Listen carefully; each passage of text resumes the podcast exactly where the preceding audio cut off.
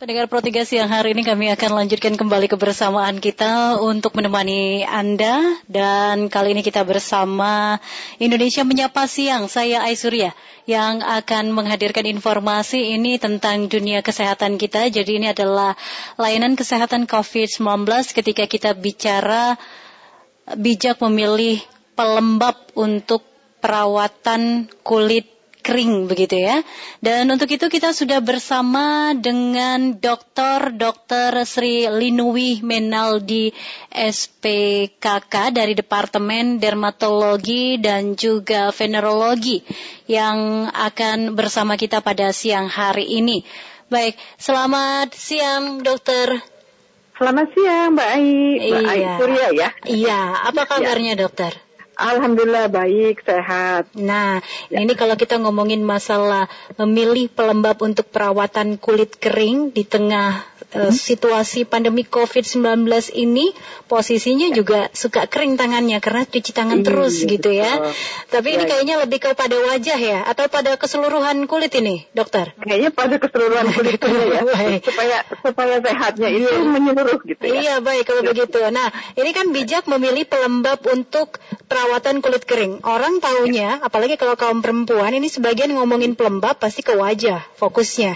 Nggak tahu ya. kalau ternyata seluruh tubuh kita ini juga ternyata butuh pelembab. Nah mungkin ini bisa iya, dijelaskan dulu nih dokter, silakan. Nah begini, uh, saya lebih suka itu jangan fokus ke wajah. Ya. seluruhnya gitu ya. Okay. Karena kulit itu uh, fungsinya adalah fungsi proteksi terhadap organ di bawahnya ya. Jadi hmm. memberikan proteksi terhadap macam-macam nih supaya tidak terinfeksi. Infeksi itu bisa virus jamur maupun parasit bisa juga mencegah penguapan dan sebagainya banyak sekali hmm. banyak sekali fungsi proteksinya tetapi kalau kulit dibiarkan kering kulitnya kan gampang retak tuh kalau kering ya yeah. kadang-kadang kalau kering itu gatal digaruk-garuk pecah mm. nah masuklah infeksi itu bakteri kah gitu yang terutama paling sering bakteri ya yang gampang banget gitu okay. Nah Dan. sekarang nih kalau hanya uh, kita fokus pada wajah kita lupa nih tangan kita nih ini tangan zaman juga covid kering. ya iya benar hmm, hmm.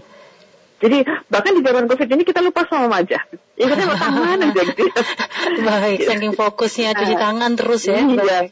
Jadi uh, karena harus cuci tangan uh, wajib gitu ya, di mana-mana hmm. ada. Megang ini, megang itu cuci tangan. Nah, sekarang kalau cuci tangan itu kita menggunakan sabun, apalagi uh, antiseptik yang kuat. Di awal-awal itu uh, problemnya banyak sekali ya. Hmm. Tanpa kita sadari uh, kulit itu jadi kering. Katakan yeah. begini, bukan karena COVID nih yang hmm. keseharian hmm. ya. Kita nyuci pakai deterjen, hmm. uh, pakai sabun yang cukup kuat gitu, yeah. lupa kulitnya kering. Padahal okay. kita nyuci bajunya cuma dua atau tiga kali dia, dua kali lah dalam sehari, hmm. plus nyuci piring gitu ya tanpa kita sadar kulit kita jadi kering karena tiap hari nih. Iya. Gitu. Baik, baik. Nah, terus gimana nih supaya jadi nggak uh, gini deh? Pernah tahu cantengan nggak ya? Pernah ya? Cantengan itu Canteng. kalau ini apa ya bahasa ininya? Cantengan tahu, tahu dan itu uh. sakit banget. jadi ada infeksi jarinya bengkak yang di, di ujung yang dekat kuku. Nah, nah, di pinggir kuku tuh uh, kulitnya jadi bengkak merah. Nah, itu cantengan okay. ya. Okay. Kadang-kadang kadang-kadang ada bernanah ya. Nah, nah, itu dia tuh. Nah, kalau kita sering-sering cuci tangan mm -hmm. uh, atau kita cuci mencuci ya, mencuci nggak cuci tangan aja, mencuci dan menggunakan tangan dan sabunnya sabunnya sangat kuat, deterjen dan sebagainya untuk waktu yang rutin tiap hari berapa kali sehari Nah itu uh, akan mudah terjadi infeksi. Nah yeah. itu namanya tantangan itu tadi tuh. Oke. Okay. Nah, bukan main sakitnya. Bukan main sakitnya. Dokter ini kayaknya udah hmm. udah ada yang antri untuk nanya langsung loh dok. Oh iya iya. iya. Boleh ya kita buka telepon ya dok hati. ya dengan senang ya. hati. Sudah terhubung hmm. ini dengan penelpon kita yang pertama ada Pak Amri di Balang Mengondo. Selamat siang. Aduh, jauh sekali. Selamat siang, Mbak Isra. Selamat siang, Ibu Dokter. Selamat siang, Pak Ari. Ya, saya dari Balang Mengondo, Ibu.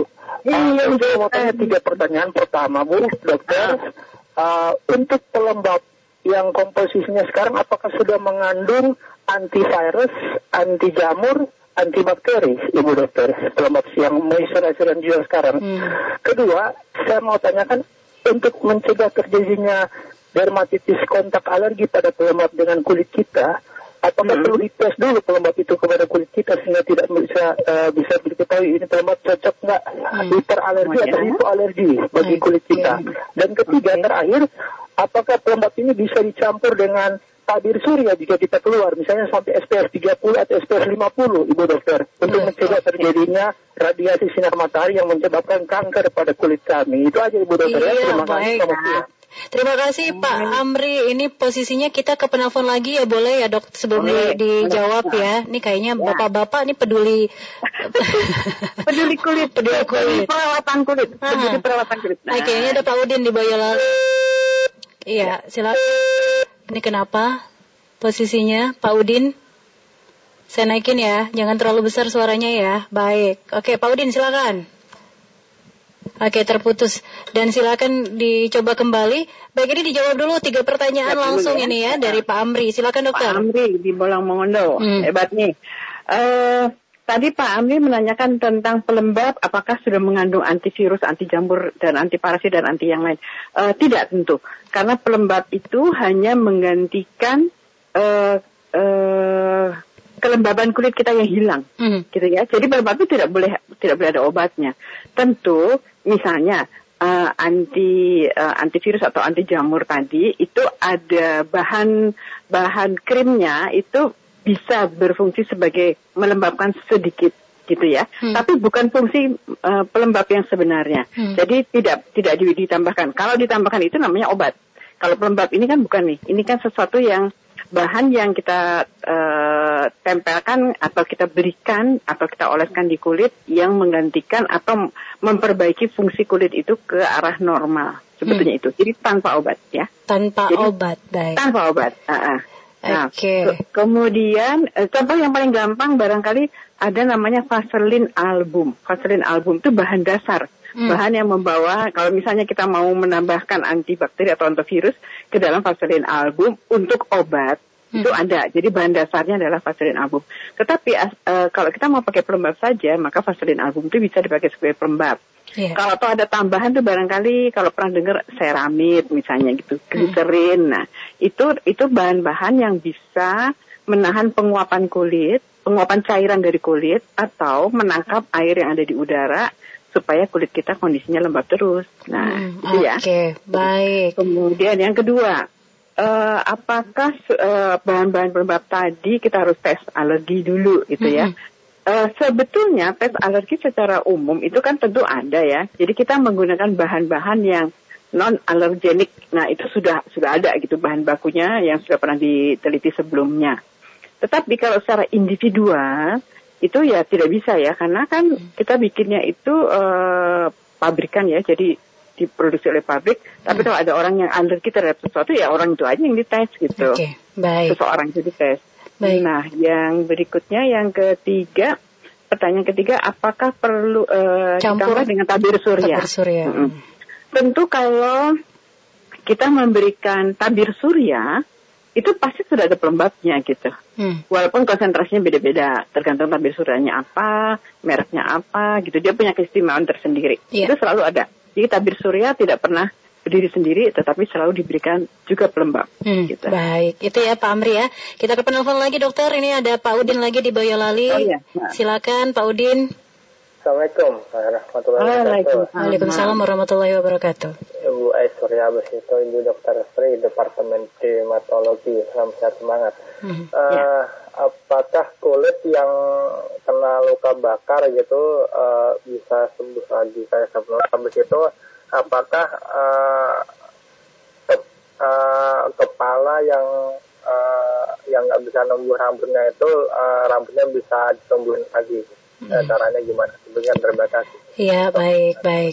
Walaupun ini kita, wa- ya, waalaikumsalam warahmatullahi wabarakatuh. Walaupun kita sebenarnya bahasnya masalah ketika memilih pelembab untuk perawatan kulit kering ya. Ya, Oke, ya, apa-apa. baik, silakan boleh, dokter. Ya, kita melebar sedikit, tetapi masih ada kaitannya. Oke, benar. Pak Udin, terima kasih pertanyaannya. Eh, kulit yang bekas luka bakar ya, Iya, bekas Eh, luka bakar apakah bisa normal kembali sembuhnya? Begitu. sebetulnya tergantung dalamnya luka bakarnya ya. Hmm. Luka bakar itu kan ada derajat-derajatnya tuh, derajat kedalamannya. Kalau misalnya hanya hanya merah saja tanpa lepuh ya tentu bisa balik. Tetapi kalau dia melepuh tergantung melepuhnya ini sangat dalam dan ada infeksi atau tidak gitu ya. Hmm. Nah kalau dia uh, dalam sekali dan dia terinfeksi tentu sembuhnya nggak bisa sempurna. Ada bekas gitu mungkin kecoklatan warnanya gitu ya. Yeah. Dan kalau lebih dalam lagi dari itu, misalnya orang benar-benar luka bakar di kebakaran gitu ya. Yeah. Uh, apa namanya itu bisa sampai ke otot ikut rusak ya itu pasti akan menjadi banyak-banyak parut ya parut itu hmm. apa ya kayak bekas luka hmm. yang kasar begitu di wajah begitu iya, ya betul. ada uh, uh. garis-garis juga ya hmm. ah jadi kulitnya itu bentukannya sih uh, udah udah udah carut marut gitu kayak ya dan gitu ya hmm. Hmm, jadi mengeras lagi ya hmm. mengeras yeah. dan uh, strukturnya itu mungkin lapisan permukaan kulitnya udah nggak sama jadi licin mengkirat warnanya kemerahan atau putih pucat karena lapisan-lapisan tidak normal lagi bahkan kulit yang menghasilkan minyak permukaan kulitnya pun ikut rusak gitu hmm. sel yang menghasilkan minyak uh, kulit itu rusak sehingga kulitnya jadi cenderung kering gitu ya nah yeah. itu boleh itu, itu diberi pelembab saja sebetulnya hanya untuk supaya fungsinya kembali mendekati normal walaupun nggak bisa normal pasti nggak okay. bisa normal. Baik. Nah, jadi kesembuhannya bergantung pada tingkat keparahan berarti ya. Hmm. Iya, kerusakannya sebesar sebesar apa.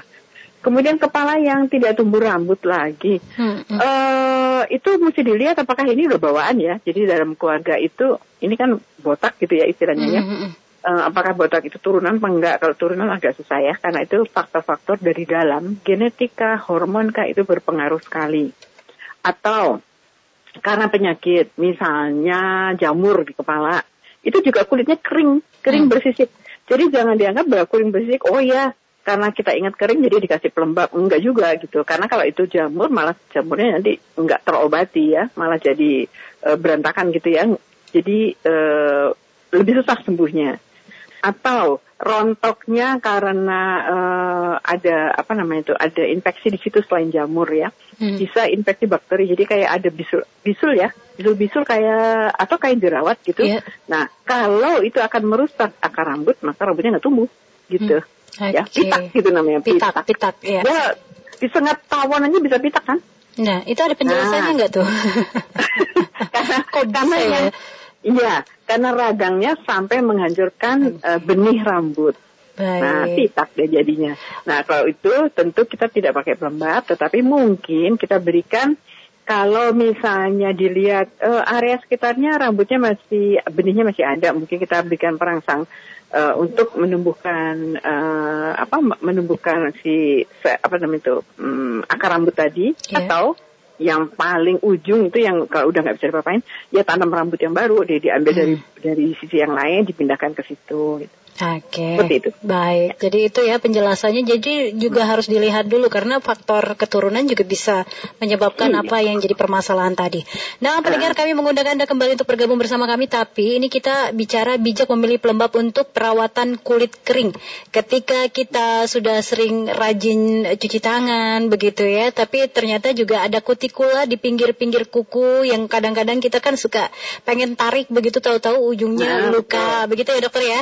Iya, iya, iya betul sekali. Ini sebenarnya harus pakai yang paling bagusnya itu karena mengandung pelembab sabun cuci tangan atau pakai uh, hand sanitizer yang mengandung alkohol cukup tinggi. Ini gimana hmm. nih, dokter? Ya, ya baik. Jadi gini, uh, sebetulnya upaya kita kan membuat kulit itu tadi bersih bebas kuman gitu ya. Hmm, iya. Jadi sebetulnya dengan sabun sabun saja sih mati kuman artinya tuh bisa cukup baik gitu bersih lah. Hmm. Tetapi kan itu ada kuman yang istilahnya dia uh, menetap sementara di situ, yang nanti akan tumbuh lagi gitu, kumannya datang lagi setelah hmm. dihapus, mungkin dalam satu dua jam ya ada lagi. Okay. Nah makanya kenapa harus uh, sering cuci tangan. Uh, kalau kita memilih tadi apa alkohol ya, hmm boleh saja, tapi kalau alkohol tuh konsentrasinya tinggi 70% misalnya seperti kalau kita mau nyuntik itu kan diusap yeah. dulu dengan alkohol gitu ya. Hmm. Kita mau ambil darah di lab gitu juga gitu ya. Hmm. Itu kan tinggi alkoholnya karena memang mau membunuh benar-benar kuman di situ segera gitu ya. Itu uh, kalau cuma sekali ya nggak apa-apa, tapi kalau sering maka uh, minyak permukaan kulit itu larut, hilang. Hmm. Lemak-lemaknya di permukaan kulit juga hilang. Nah itu yang menyebabkan kulit jadi kering gitu ya. Yeah. Minyak-minyaknya hilang, kering kan terhapus oleh itu, oleh alkohol. Alih-alih mau uh, uh, bebas kuman, eh malah kumannya ikut masuk gitu kuman baru. Kenapa? Hmm. karena dalam satu dua jam kan tumbuh lagi nih atau ada kuman baru dia bisa masuk dengan bebas karena ada kulit yang kering yang pecah tadi akibat kekeringan yang berlebihan okay. gitu ya baik nah, itu jadi memang bagusnya nah, pakai yang, sabun ya Ah, sabun, hmm. uh, sabun. Tetapi kalau uh, misalnya kita dalam perjalanan susah nyari sabun dan air, oke, okay, hmm. dengan dengan hand sanitizer boleh. Hmm. Tapi hand sanitizer yang zaman sekarang sudah diberikan uh, moisturizer ya, moisturizer, jadi ada tambahan. Okay gliserin. Mm-hmm. Ya, itu cair jadi bisa dimasukkan ke situ yeah. sehingga cukup lembab. Tapi kadang-kadang kan orang malas karena lengket gitu. Iya, benar. Ya, jadi problem lain-lain lagi muncul ya. Baik. Hmm. Oke, ini mudah-mudahan menjadi salah satu hal yang mencerdaskan masyarakat kita ketika memilih pelembab juga apalagi di tengah pandemi Covid-19 ya, Dokter nah. ya. Okay. Oh, tapi satu lagi sebentar, sebentar. Saya ada Baik. Uh, silakan. Kan tadi kan uh, penekanan kita pada memilihnya yang mana ya, pelembab mm -hmm. yang cocok gitu ya. Mm -hmm. Kan kalau kita pergi ke uh, supermarket ya, pelembab itu kan ada yang bentuknya lotion, yeah, ada yeah. yang bentuknya krim, ada yang bentuknya salep. Salep okay. itu uh, ointment yang padat. Hmm. Nah, yang mana nih yang paling cocok? Itu yeah. tergantung kulitnya ya. Baik. Tadi kan kalau di misalnya wajah itu hmm. krim oke. Okay biar nggak lengket gitu. Iya, iya. Tetapi kalau telapak tangan nggak bisa pakai itu okay. karena uh, krim itu mengandung air lebih banyak dari minyak. Mm-hmm. Jadi yang kita pilih yang bentuknya agak lebih padat, yang kita sebut sebagai salep uh-huh. atau ointment gitu ya. Yeah. Uh, itu banyak tuh uh, bentuknya vaselin tadi ya, vaselin Baik. vaselin album. Album. Jadi bukan lotion, karena lotion tuh airnya lebih banyak lagi dari krim. Iya. Yeah. Gitu. Baik. Jadi lotion tuh hanya kalau mau ngolesin uh, lengan dan tungkai untuk sehari-hari saja oke, okay. tapi tidak untuk uh, mengembalikan fungsi kulit yang terlampau kering akibat sesuatu. Iya. Kalau untuk maintenance monggo, silakan. Oke ya. dokter, nanti kita akan perbincangkan lagi ini ya dan mudah-mudahan nanti ke depannya juga masyarakat semakin paham. Oleh karena itu terima kasih sudah berbagi informasinya bersama Pro 3. Ya. Selamat beraktivitas lagi dokter ya. Baik, terima kasih sama-sama. Oke, selamat siang dokter. Selamat siang, tetap sehat ya. Tetap sehat juga, baik, ya. terima kasih. Ya. Dan pendengar demikian tadi Dokter Dokter Sri Linui Menaldi SPKK dari Departemen Dermatologi dan Venerologi yang sudah bersama kita bijak memilih pelembab untuk perawatan kulit kering. Dan pendengar kita akan beralih ke informasi lainnya berikut ini.